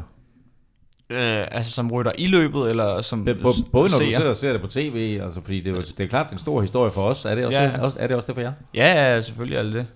Og det er jo næsten... Ej, jeg ved ikke, hvad der er bedst at blive det 1, 2, 3, øh, hvor du kører for dit firmahold, eller 1, 2, 3, øh, hvor de er fra hver deres land. Men det er jo imponerende uanset hvad. Altså det, det er sjældent, man kan lave en 1, 2, 3, uanset hvad det er. Det gjorde de altså her, og øh, guld, sølv og bronze til tre forskellige nationer, tre forskellige rytter. Christophe Laporte vinder foran Wout van Aert, og så altså med Olaf Koy træer. Øh, men ingen af dem fik en Velropa Cup. Nej. Men det er der nu en lytter, der gør. Og mm. øh, vi skal jo traditionen tro at trukke lod om en kop, og øh, Stefan, du har fundet en vinder. Det har jeg, og det er et rigtig, rigtig fedt navn i dag. Det er et atypisk navn. Okay. Tror jeg, det ved jeg ikke. Er det Ja. faktisk måske meget, meget Det dansk egentlig. Hasse, Ravn, Hasse? Hasse, Hasse. Hasse. Ja, jeg spillede på. Er jeg det spillede sådan et, fodbold med en. øh, Jeg spillede fodbold med en meget fyr. dansk. Er det ikke sådan lidt jysk også? Jo, Hasse. Det kan også være lidt svensk. Uh, Hans. Hans i Hasse. Sverige bliver kaldt. Gør det? Bliver, så, så Hansi. bliver man kaldt uh, Hasse, hvis man hedder Hans. Ikke? Gør man det? Nå, jeg spillede fodbold i Herning Fremad i gamle dage, men Det er det. Hasse, ja. så det eksisterer. Nå, men hey Hasse, du er simpelthen vinder af en Velropa Cup. Mega fedt. Tusind tak selvfølgelig for, for støtten, og kæmpe stort tillykke med, med din nye kop. Um, og så har vi jo Mathias i studiet, og derfor, som jeg lå i toppen, vi skal lige have skudt gang i en ny konkurrence, eller en ny lodtrækning. Uh, fordi til sidst i år, uh, der trækker vi lod om en præmie, som du skulle have haft med. Ja, det, der, der sker en mindre fejl ved, at jeg glemmer den. den er her til næste gang. Men du må hellere løfte for, hvad det er. Jamen, det er en uh, generet Dannebrogstrøje. Uh, Boom. Ja. Wow. Uh, Hold nu kæft. Hvad siger du, Stefan? Ja, jeg, jeg vil gerne vinde. Jeg Støtter, skal, du, støtter du partier? jeg skal Ja, på det tier, gør så. jeg, Jeg skal på jeg. Fle, jo flere femmer, jo flere lodder, ikke? Mathias, Mathias har sagt, at du finder, øh, du finder muligheden for at støtte os både på tier.dk og på velropa.dk, og for hver femmer du støtter, der får du altså et lod i puljen, så jo flere lodder, jo større chance for at vinde. Mange tak for støtten til alle, og kæmpe stort tillykke til Hasse Ravn med din nye øh, kop, og husk så at gå ind og støtte, hvis det er sådan, du vil vinde den her signerede øh, Danmarks trikot af Mathias'. Øh, godt nok så fik vi ikke medalje på øh, herrenes enkeltstart, men det var faktisk ret tæt på for Mikkel Bjerg, da vi, da vi talte øh, i sidste uge om, øh, om enkeltstarten her, og vi ligesom remsede de navne op, der var med, så tænkte vi, okay, det kan godt blive svært. Mm. Han ender med at blive fire. Ja. Øh, Mikkel Bjerg, det er jo et vanvittigt flot resultat. Så det blev svært. Det blev svært, han fik ikke medalje. Altså, anden år i træk, ikke? Han blev også sidste år, tror jeg. Det er, Jo, det det, kan det har jeg ikke op på. Det ja. tror jeg. Men, øh, Hvor- nej, men øh, man kan sige, at, øh, at øh, Josh Tarling, der, der vinder, han er, jo, han er jo efterhånden, nu blev han kun slået af, af Garner og Remco til, til, til VM, og, og vi er også ved at være der, hvor, hvor det stort set kun er dem, man forventer. Altså når det er rent enkeltstart og en rute, der er meget sådan enkeltstartsagtig, Øh, så øh, der sker lidt noget, nogle andre ting i nogle Grand Tours nogle gange jo, øh, hvor det er lidt mere kuperet, eller, eller restitution også øh, spiller ind. Men når, når, det- når det bliver sådan meget rendyrket enkeltstart, så, så var det måske ikke så længe før, at øh, de også skal sidde og, og kigge sig lidt over, over skuldrene og sige, hvornår han, hvornår han også overgår dem, fordi det, det er altså et stort enkeltstartstalent, vi har med at gøre der. Så det er Josh Tarling og Albert Philipsen, som, øh, som vi kan se frem til, ligger, lig- ligger og kæmpe om det der i årene fremover. Desværre så fik enkeltstarten jo altså også et uh, lidt ikke sportsligt fokus, Stefan, fordi, eller Kim, uh, fordi en af favoritterne, Stefan Køng, uh, røg ud uh, efter et voldsomt styrt. Ja, det var, det, var, det var grimt at se på. Uh, Han sidder jo med den her, i den her aerodynamiske position og, og hovedet ned mellem armene, fordi han tænker, jeg, jeg får besked om ruten af, af min bil bagved formentlig. Øh, øh, og, så, og så kører han ind, så der kommer sådan en indsnævring af barrieren, og så kører han simpelthen direkte ind i dem, og, og, øh, og hjelmen flækker, og der strømmer blod ud alle vejen, og, og, og trøjen, der i forvejen er rød og hvid, den bliver endnu mere rød end, øh, end, end Ja. rød og hvid i hvert fald, og, øh, og, og, og så er det, der sker det her med, at de lige, de lige glemmer alt om det her med, med hjernerystelsesprotokol åbenbart, og, og han får simpelthen lov at køre videre, sætter sig op på cyklen, og blodet strømmer ned af det, og han kører ind og bliver 11, tror jeg det er, og, og kører jo relativt lang tid derude. Øh, og det, det var ikke så smart, at, øh, at han fik lov til det, er nok de, de, de fleste, der synes. Plus, øh, øh, han har ikke, altså, den hjelm, han havde, var Ja, det var helt fuldstændig ja. smadret. Og du, altså, nu har jeg ikke nærlæst reglerne, men jeg er relativt sikker på, at man ikke må fortsætte med en Altså, du må, smadret ikke, hjelm sådan du må der. ikke engang tage den af jo, Nej, nej. bare for at rette på et eller andet undervejs, øh, teknisk set i cykel. Var der nogen, der kiggede på ham overhovedet? Jeg Nå, det tror jeg ikke. Nej, Nej, Ja. Det var Øh, det, der fordi blev at ikke, der blev ikke foretaget den der protokol. Ja, nej, men den, den bliver meget sjældent foretaget, kan Ja. jeg så fortælle. Ja, vi havde jo det der fuldstændig vanvittige eksempel med, med Romain Bardet for et par år siden i Tour de France, som er helt væk og på en eller anden måde bliver sat op på cyklen og skal cykle ja. videre. Så, så der, der skal ske noget. Ja, men vi har hørt, øh, jeg kan huske det for lang, lang tid siden også faktisk, vi hørte øh, Chris Anker Sørensen øh, snakke om en episode, hvor at, Ja, øh, han kunne ikke, slet ikke huske, ja, han kunne slet ikke huske, øh, hvad der var sket, og han kunne ikke, jeg tror, var det, de havde spurgt ham, hvad hans døtre hed, og det kunne han så nærmest ikke svare på, og sådan noget, og det var sådan helt mm. sindssygt, og der, var, der er jo så kommet regler sidenhen, det er bare ærgerligt, at de ikke bliver øh, håndhævet, når De man så... begyndt at gøre det lidt mere, synes jeg, men det ikke, altså, og det er jo igen det her, nu, nu talte vi lidt om det her med fodbold og cykling øh, og sammenligner og sådan noget, ikke? det er jo lidt nemmere, at du lige, så kan du stoppe kampen, og så kommer der lige et lægehold ind, mm. og lige tjekker, og så lægger du bare fem minutter til øh, første halvleg, ikke? altså det andet her, der, altså, der kører mm. løbet jo videre, og det er jo det, der er problemet, det er jo også derfor, du ikke har film i cykling, men det er jo fordi, at, det, det, du kører bare videre jo. Øh, og der, der, er der har været hele den her snak også omkring det her med, at, øh, at, at rytterne jo nærmest ligger med, med, med næsen nede på styret og bare kigger på, på striben mm. på vejen, at, at der skulle laves nogle ændringer i forhold til, øh, om man måtte det eller ej. Kommer det til at få nogle konsekvenser, det her? Nej, det formentlig ikke. Du kan jo Altså, ikke holde hånd i, hvor højt du må holde hovedet. altså, det kan du ikke.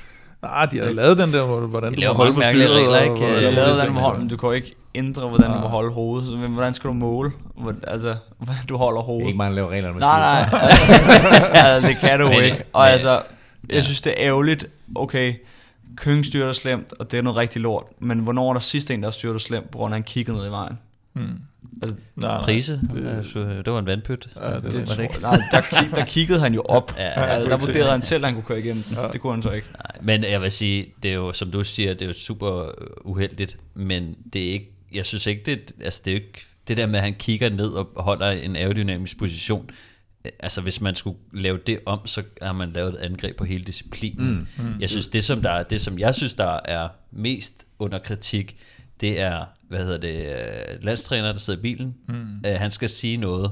Øh, hvis der er en eller anden grund, ikke har været radiokontakt eller andet, så kan man sekundært måske også tale lidt om, skal der være mere på vejen, altså skal der blive markeret på vejen, i forhold til, hvad der sker på øh, ved barriere og så videre. Altså på Altså, selve vejen, ja, eller på selve vejen. og kigger ned? Ja, for jeg ved i hvert fald, når jeg kørte enkelt start, så, så, find, så fandt jeg et eller andet sted, hvor man så kører man lige for højre siden af midterlinjen, så når man kigger ned, så kan du se linjerne i vejen, fordi mm. at, hvis man kigger ned, så jeg ved ikke, om I kan forestille jer med at sætte op på en cykel og ikke kigge, hvor du kører hen.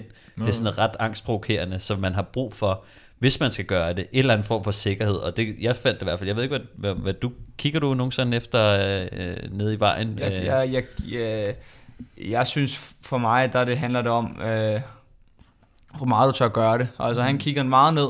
Det er et sats. Du kan ja. vinde stort, og du kan tabe stort. For ja. mig, der kigger jeg en del mere op, end de fleste gør, men jeg ved også, hvor jeg kører hen. Ja.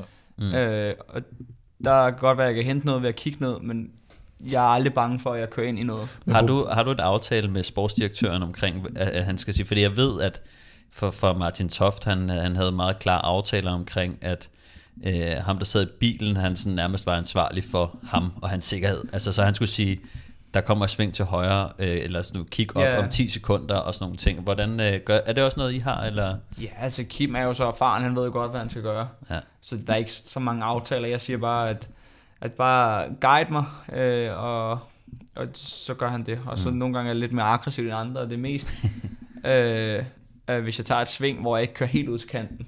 Mm. Det, det er nogle ting, jeg godt kan gøre. Hvis jeg kigger ned, så, og det drejer svagt, så kører jeg ikke helt ud til kanten, men lige holder mig en, en meter længere ind på vejen. Der, der kan han godt råbe er helt ud til venstre. Okay. Øh, men det er ikke sådan... Men det er jo Ah, problemet her er jo problemet her er, at i det han styrter så hårdt, så ryger hans chance for medaljer faktisk også jo. Øh, helt sikkert. Ja, ja. Og det vil sige, der er jo ikke nogen grund til at skulle køre videre og sætte nærmest livet på spil for en 11. plads. Altså de ved jo godt der, hvorfor, hvorfor få ham på cyklen i al hast og sådan noget. Mm. Han, kan ikke, han kan ikke gøre noget der. Hans løb er slut der. Mm. Så får ham dog tilset ordentligt. Eller bare Ja, sådan ja, et eller andet, altså, som minimum øh, skift hjelm, eller øh, ja, ja. få ordnet noget øh, halløj, ja. øh, øjenbryn, eller hvad det er. Han ender med at flække både hvad det, kravben og håndled, og vi får hjernerystelser og så videre. Ikke? Mm. Det kører han videre med, det er jo ikke i orden jo. Jeg tror ikke, det var, det var, det var vist øh, hjernerystelse, og så brækker han kæben, Ja. sådan som jeg har forstået det. Det er sikkert Og håndled. også, ja. Og han Der er også. eller andet. Ja, ja. Ja. Han, øh, nu får han, som du siger, Kim, ikke medalje. Det bliver vanvittigt jo nummer 11 stadigvæk. Han var to år sidste år, altså sølvmedalje, og så vandt han faktisk i både 2021 og 2020, så det er jo en disciplin, hvor han har klaret sig rigtig, rigtig godt, og ja. vi har set ham køre de her enkeltstarter også i, øh, i den europæiske trikot. Øhm, lad os komme til noget, noget helt andet. Øh, nu skal vi nemlig snakke om kvinder. Men vi bliver ved enkeltstarten, fordi vi havde jo faktisk et ret flot hold med sådan generelt hos kvinderne, og på enkeltstarten der stillede vi op med Cecilie Utrup Ludvig og Emma Norsgaard Bjerg, men det blev aldrig sådan øh, til det helt store danske resultat. Nej, det, desværre ikke, og jeg synes lidt, at trenden fortsætter med, at øh, de faktisk begge to har lavet nogle gode øh, enkeltstartsresultater før i tiden, men har, har mistet lidt, og, øh, og, og det, øh, det, de genfandt den i hvert fald øh, heller ikke her til, til EM. Cecilie, hun bliver nummer 14, Emma bliver nummer 16. Øh, den, der vinder, øh, er ikke så overraskende Marlen Reusser, der er ganske... Øh, ganske overlegent vinder med 43 sekunder ned til øh, Anna Henderson, øh, og, øh, og på tredjepladsen var det Christina Schweinberger. Christi, det, var ikke, det var ikke hende, Schwein, var det hende Christina Schweinberger? Var det hende fra, fra OL? Nej, ikke, det er var... Anna Kissenhofer. Og det er Kissenhofer, okay, ja, ja, nå, godt. Hende, vi havde glemt. øh, I linjeløbet for kvinder, der havde vi til gengæld store forhåbninger til, at øh, Cecilie kunne klare sig godt, eller for en sags skyld, Amalie Didriksen, men øh, det blev heller ikke lige øh, den danske dag. Nej, men det var, jeg synes faktisk, det var tæt på, fordi at øh, Emma Norsgaard... Emma gjorde det øh, godt, ja. Emma har lavet et godt forsøg. Ja, Ja, jeg det skal fandme sige, have øh, ros. Under en kilometer fra nærmest. Jeg synes, det var, det var godt, ja. virkelig, virkelig flot kørt. øh, Og hun er jo også typen, som har, øh, har lidt været inde ude at sige, at hun ikke så meget skal øh, sprinte med om det, fordi mm, der er nogen, der er blevet hurtigere. Så hun er begyndt at gribe løbet lidt anderledes an, så vi har faktisk både Cecilia og, øh, og Emma Norsgaard med i finalen. Og øh, Emma kører jo så efter hende her, Misha Bredewald fra, fra Holland. Holland har jo så selvfølgelig domineret øh, cykelløbet og fået sendt hende her Bredewald afsted i, i finalen. Emma kører så efter, og øh, jeg vil ikke sige, at jeg troede, at hun ville hente hende, men jeg tænkte, der er en sølvmedalje til, til Emma. Mm. Øh, og, øh, og desværre øh, får de jo øh, kørt hende, øh, kørt hende op på den her Vamberg. Ja, og, hollænderne, øh, de kører jo nærmest bare efter dem, ja. Ja, præcis. De og, og, og, og så bliver det jo alle de her øh, super hurtige øh, afslutter med, med Kopecky og Lorena den- Vibes, øh, der... Den, den var giftig, den der Vamberg-Famberg øh, Ja. der, og den var måske også lidt for hård for Emma. Øh, men jeg var overrasket over, at, øh, at, at, at Cecilie ikke øh, havde mere øh, i sig, men, men det var altså sådan en stigning, der lidt tog kræfterne fra folk, jo flere gange man kommer Ja, omkring den. Jeg ved ikke, altså det så ikke ud som om, at Cecilia havde de bedste ben, men hun kommer i hvert fald også rigtig skidt ind på stigningen, som også bare gør, at altså, den der stigning er jo, øh, hvis man kører den så hurtigt, som de kører, så de der sving, altså det er jo super svært at komme frem på den der mm. stigning, hvis der bliver givet gas på den, så hvis du kommer skidt ind på den stigning, så er løbet mere eller mindre kørt, altså der er meget få steder, hvor du faktisk har en chance for at, at overhale folk, øh, og så skal du altså være noget hurtigere end de andre, ikke? så man så det jo også med, øh, med herrene, altså at øh, det, du kan tage et par positioner, øh, det, ah, de andre skal gå kolde, hvis du skal kunne gå forbi dem ellers, så, så det gjorde, synes jeg i hvert fald også for Cecilies chancer, at øh, de røg rimelig meget i form af, at hun kom dårligt ind på, på stigningen, og så desværre øh, Emma, hun blev hentet, Øhm, så så der, der gik det, men Emma var, var, var greb ud efter sølvet, og synes jeg var, det var rigtig, rigtig flot at se. Mm. Historisk set, der øh, øh, var det ikke et EM, som vi sådan på seniorsiden kommer til at kigge tilbage på og tænke, wow, det var mega fedt, men øh, både junior og 23, altså med, med flotte resultater og flere medaljer, og der et par stykker af flotteste karat. Nu skal vi til gengæld se, hvem af jer tre, der er bedst til at huske historien. For nu skal vi have fundet vinderen af dagens quiz, og det er en last man standing, hvor der faktisk kun er otte korrekte svar. Øhm, spørgsmålet var, hvilke nationer har fået medaljer i de otte år, der er kørt linjeløb for øh, herrene, for eliten? Øhm, og Mathias, øh, lige sådan til at starte med her. Hvis vi kigger på både linjeløb og øh, enkeltstart, øh, hvem er så den eneste dansker, der har fået en medalje? Det er Kasper Askren. Det er fuldstændig korrekt. Kan du huske, hvornår? I øh, 2019, sidste var i Holland, mener jeg. Og hvem vandt? Han, han blev hvad? Han blev to år efter Remco. Det er, faktisk, det er faktisk fuldstændig rigtigt. Jeg- Jeg tjekker lige også, om årstallet er rigtigt. Det tror jeg, det er. Ja, ja, selvfølgelig. Det er det, er, det, er, det, er det. Det er det. Det er bare for at lægge lidt pres på jer, drenge. Ja, ja. ikke? At Der er Mathias, pres på han har styr på det. Ja. Jeg har Og fortalt ham det inden, øh, Ja. ja. jeg fortalte Ja, ja. det her. Godt. Og øh, Mathias, øh, jeg kan se, at du sidder og kigger på din telefon. Nu har du ikke googlet, vel? Det lover jeg ikke. Ja. Ja. Og hvor mange lande har du der? Jeg har otte lande. Du har otte lande, godt. Jamen, øh, Stefan, du har serveretten. Øh, det betyder ikke nødvendigvis, at du behøver at svare først, men du kan, øh, se ikke, om du sådan matematisk har regnet dig frem til, hvad der er klogest, men vil du svare først, eller vil du lade en anden svare først? Jeg er gået Oppenheimer i den. Ja,